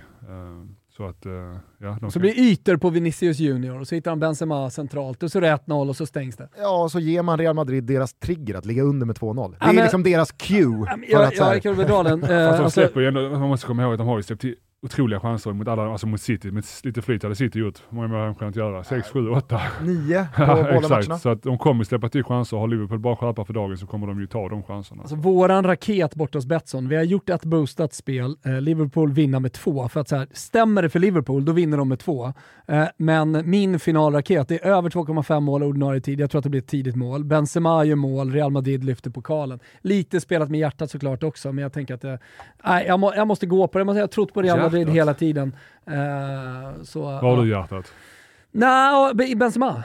Uh, och sen har det blivit en grej och vi tycker att det är roligt med Vinicius Junior. Jag var ju tidigt på liksom att det där kommer bli en jävligt bra duo. Jag, jag tror för, det var typ 6-7 år sedan när jag sa liksom att Benzema... Eller? Exakt. Vibene, och, men, och, men också att uh, Benzema är en underskattad forward för att under hela uh, under hela Ronaldo-tiden, alltså under de åren, så agerade han ju wingman till Ronaldo. Han var den stora eh, liksom stjärnan. Men då sa Daniel Olenklint, som bor granne med dig eh, för övrigt, eh, till mig att vänta bara tills Ronaldo försvinner. Då, kom, då kommer Benzema liksom blomma ut till den stora stjärnan. Och eh, ja, men det tycker jag verkligen eh, han, han har bevisat. Och så här, I år, nu är alla överens eh, under det här året att han är liksom Ballon d'Or-vinnaren. Eller du kanske tänker någon annan? Nej, han är absolut med där uppe. Kevin De Bruyne är också... Hade du velat ta ner i fickan Benzema? Han känns så jävla hal i straffområdet. Ja, han verkar ändå vara en fin prick. Eh, absolut, absolut. Men jag tänker... Jämfört alltså, med Haaland då? Ja, Haaland, alltså Kane som du gjorde en jävla bra match ja. mot, eh, du nämnde Benteke och så vidare. Alltså, det hade kunnat varit en liknande duell mm. mot Benzema. Ja, Vinicius Junior hade jag inte velat ha ute på kanten emot den. Där hade man nu haft lite jobbigare. Det hade du skickat till Lustig i så fall om det hade varit en anställd. Han hade fan väntat ut och in på Husby alltså. nej, nej, nu får vi nog lugna oss lite. Eh, det blir eh, hur som helst en jävla spännande match. Eh, det, det som du och jag ska prata lite mer om i morgondagens extrainsatta fredagstutto. Men det, till er som hör det här så, så kan man väl bara redan nu säga att eh, Champions League-finalstudion öppnar 19.30 på lördag på Simor. Jag nämnde bara raketen, jag ska säga att man måste vara 18 bast och stödlinjen.se finns om man har problem. Men jag ville bara ta min take också på den här matchen. Jag tror att Real Madrid vinner på sin jävla tyngd och erfarenhet eh, i Paris. En grej som jag kom på att vi måste bara eh, eh, lyfta med Ponne, som vi pushade lite för i måndags att vi skulle göra, det var ju det här eh, nya kontraktet som sipprade ut eh, gällande killen Mbappé. På tal om Real ah, Madrid, ah, att han stängde dörren för andra gången till eh, Real Madrid och Florentino Perez. De är ju skogstokiga där nere i Madrid här nu. på tal om Karim Benzema så la väl han ut en bild på Tupac mm, på Instagram för att mena liksom såhär, nu, nu har du svikit oss för sista gången. Nu blir du skjuten i Vegas se upp. Det var väl mer eller mindre budskapet mellan raderna. Skitsamma, det här nya kontraktet det påstås ju då innehålla inte bara helt hiskeliga eh, mängder lön, det snackades väl om eh, sex, 3 miljarder? 6 miljarder över miljarder? tre år. Miljarder. Men kanske framförallt då inflytande på både tränarval och sportchefsval. Och då sa vi till varandra, eftersom vi inte hann prata om det utan vi fokuserade på titlarna som hade delats ut, att det här kanske man ska lyfta med Ponne snarare, för att då bara få höra din take på hur du skulle ställa dig till att en spelare i omklädningsrummet... Ja, ta, ta det själv då, komma tillbaka till Malmö. Alltså, du, tät kontakt med eh, ledning, sportchef, Daniel Andersson och så vidare. Alltså, det skulle ju kunna vara en roll som eh, jag säger inte exakt, men ändå landa, skulle kunna landa på det. Ja, det tror jag inte är omöjligt. Alltså, det tror jag nog det finns på fler ställen. Alltså. Sveriges Kylian Mbappé, Pontus Jansson. Men det tror jag, alltså, jag vet att Rosenberg till exempel hade en sån roll i Malmö och var väldigt delaktig med, och nära relation med Sporre. Och det har jag ju redan idag trots att jag inte spelar med, med både Georgsson och med Daniel Andersson. Det är klart att jag som spelare, när jag nu kommer spela, om jag nu spelar där, vill ha en sista ordet i vem Malmö ska ha som tränare. Det är klart att inte jag ska ha det, men att ha, föra diskussioner och vara med i det, det, alltså det ser jag inget fel i. Så det är inte så skevt Jag som tycker det inte det. Alltså, jag, alltså, det jag, jag har inte sett vad exakt står att Mbappé ska göra, men att han får vara med i diskussioner och, och få flika in med sina ord och tankar, det, det ser jag egentligen inget fel i. Eftersom att han är och det kanske är vanligare viktig. än vad många av oss utanför tror. Det tror jag nu. Jag tror det är många ute i, i fotbollsvärlden som har av de tongivande spelare i laget som har tät relation med framförallt sportchefer och, och, och ja, tränare. Eh, kanske inte så mycket med ägare, men, men framförallt med sportchefer och tränare tror jag. Man pratar för mig själv, jag har alltid haft en väldigt tät relation med, med sportchefen i, i Brentford och eh, med tränaren i Brentford. Eh, återigen, jag bestämmer inte vem som är tränare och inte ens i närheten. Men att vara med i en diskussion om, om så, även kring spelarköp och nyförvärv och sånt här, det, det tror jag är ganska, ganska vanligt i fotbollen. Och eh, fråga två då, den här eh, lönen som kommuniceras ut aktualiserar ju diskussionen kring något slags lönetak. För att ett så känner ju jag, och jag tror väldigt många som lyssnar på det här också, att det är inte rimligt att någon ska tjäna så jävla mycket pengar på att, att spela fotboll. Men två så känner jag också att det blir sådana oerhörda klyftor i ett omklädningsrum. Kanske inte PSG, men du förstår vart jag vill komma. Har du någon gång resonerat och tänkt kring att lönetak vore en bra grej eller är det så bra det kan vara så som det är? Men här kan vi flika in kring Christian Eriksen då, för att den här diskussionen har vi haft i Brentford nu, eller jag har haft och även med några av spelarna med sportchefen kring Christian inför kommande säsong. Nu är ju Christian inte med kontakt under, eh, under kontakt med oss längre, utan är fri bossman, men de vill ju såklart knyta upp honom och då har ju de sagt att alltså, de är ju typ mer eller mindre rädda att spränga banken för att få Christian till klubben, men är rädda för att vad blir då reaktionerna från övriga spelartrupp. Och då har jag ju pratat med de andra och även med dem. Alltså, det är klart att vi vill göra allt vi kan för att Christian ska stanna hos oss. Vi har ju sett vilken påverkan han har haft, dels poängmässigt men även hur mycket bättre vi har blivit som lag. Och vi har inget problem med att han får den lönen han ja, kan bli erbjuden av klubben. Jag kan tänka mig att det, okay, nu är det helt absurda summor i, i fallet med Mbappé och det är såklart bättre medspelare kring honom. Men skulle de andra spelarna i PSG kanske resonera att vi gör allt vi kan, ni måste göra allt ni kan för att Mbappé ska stanna hos oss för att det ger oss en bättre chans att vinna matcher och vinna titlar. Så att lite, lite så kanske. Så, så resonerade i alla fall jag med, med Christian Eriksen i, i Brentford, att han, han ska ha det han förtjänar för så, så bra är han. Och du Så kanske ingen förtjänar 6 miljarder, jag vet inte men du fattar vad jag Ja, menar. absolut, och jag fattar vad du menar. Sen tänker jag att du kanske också har tillhört lag där det inte har skilt så jävla mycket mellan den bäst betalda spelaren och en spelare som har någon slags medianlön eller snittlön. Och att man kanske då saknar liksom den erfarenheten. Men hur mycket fokus och koll har man på vad varandra tjänar? Liksom? Inte så mycket om jag ska vara ärlig. Jag, under mina år utomlands och även kring landslaget så här, det är sällan man pratar om hur mycket man tjänar. Alltså man flashar ju såklart lite Sen är ju människor, och- alla är olika. Det finns säkert någon som tycker att det är jätteviktigt att veta vad Men jag tror dock frågan, är, frågan till någon annan, hur mycket tjänar du? Den, den tror jag är väldigt, väldigt sällsynt i, i, dagens fotboll. Jag har aldrig varit med om det, aldrig hört någon annan prata om Ja, men du och heller. Robin kanske pr- prata Ja, om men det inte ens på den nivån. Nej, jag och. Robin eller jag och Foppa, så är det klart jag vet att Foppa tjänar häst, hästmängder med pengar. Men Tjänar all, Foppa egentligen? Ja men exakt, jag vet inte. Jag råkade en gång, det här är en rolig historia, för vad kan det vara, tio år sedan? Jag Precis, jag hade flyttat till Italien, han hade varit i Leipzig några år. Nej det måste vara senare, det var nu när jag flyttade till Leeds. Så någon gång så man tittade lite så snett på Emil vad han gjorde med telefonen, så bara såg man ett konto, ett bankaccount. Så var det så många nollor det var så, så till slut, det var två, tre dagar senare, så frågade jag Emil, alltså, Emil var det verkligen så mycket pengar på ditt konto? Sa inget, bara nickade och så gick han. Det var första gången jag kände att jävlar det finns pengar i, Och sen i, gick han och dagens, köpte i Gucci-jackan. dagens fotboll. Så att, eh, ja. Sitter Ja. Ponne här i B-A-L-R-hoodien. Ödmjuk. Ja. Det är gruppens eh, hoodie. Nej det är det inte, vi har ju jackan ute ju. Ja, ja, ja, Eh, att, men det är himmelsblått tema. Men okej, det- så Turfmore nej tack, lönetak nej tack. Mm. Ja. Och Erling Haaland, ja tack. Och Erling Haaland, ja tack. Och när du väl kommer hem till Malmö, då borde både Georgsson och Daniel Andersson och vem som nu tränar, då borde de se upp, för nu kommer Ponne och bestämmer med veto. Inte så. Underbart. Eh, hörru, eh, ha en jävla dunderdag Tack, tack. med Jaha. polarna och med Malmö, så får vi se hur det slutar. Ja, och eh, tänk på det då. Det här avsnittet släpps eh, ungefär när matchen drar igång. Eh, och eh, sen kommer folk lyssna på det kanske ikväll, imorgon och så. Du bestämmer helt vilken låt du vill att vi ska gå ut på. Nej fan alltså, det har jag inte ens tänkt på. Nej, det, det, det Kan kommer man ta alltid. Mal Malmöhymnen om vi nu vinner guld?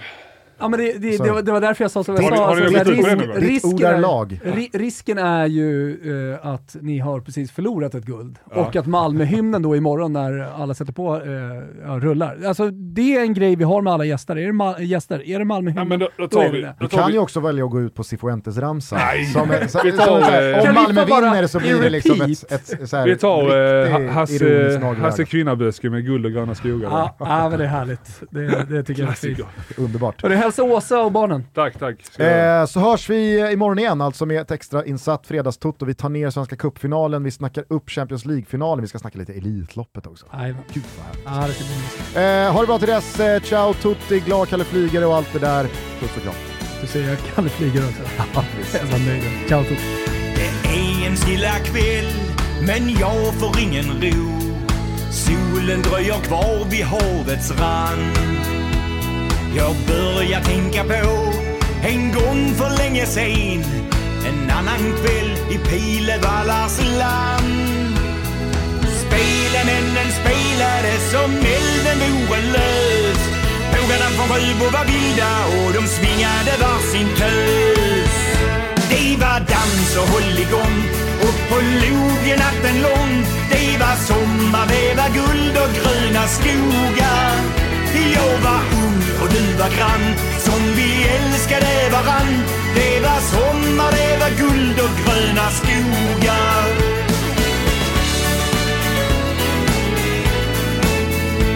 Under eken där vid ån frågade du mig om jag var din i alla våra dagar.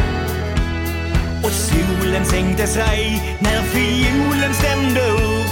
Jag lovade att alltid stanna kvar. Så håll igång dans och på logen natten lång. Det var sommar, det var guld och gröna skogar. Jag var ung och du var grann, som vi älskade varann. Och jag lovade dig guld och gröna skogar.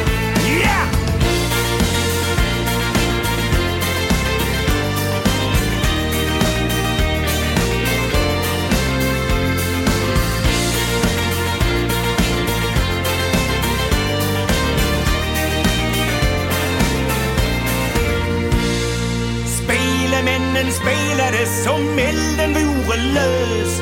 Pågarna från Sjöbo var vilda och de svingade varsin tös. Det var dans och hålligång upp på logen natten lång. Det var sommar, det var guld och gröna skogar. Jag var ung och du var grann, som vi älskade varann. Och jag lovade dig guld och gröna skogar.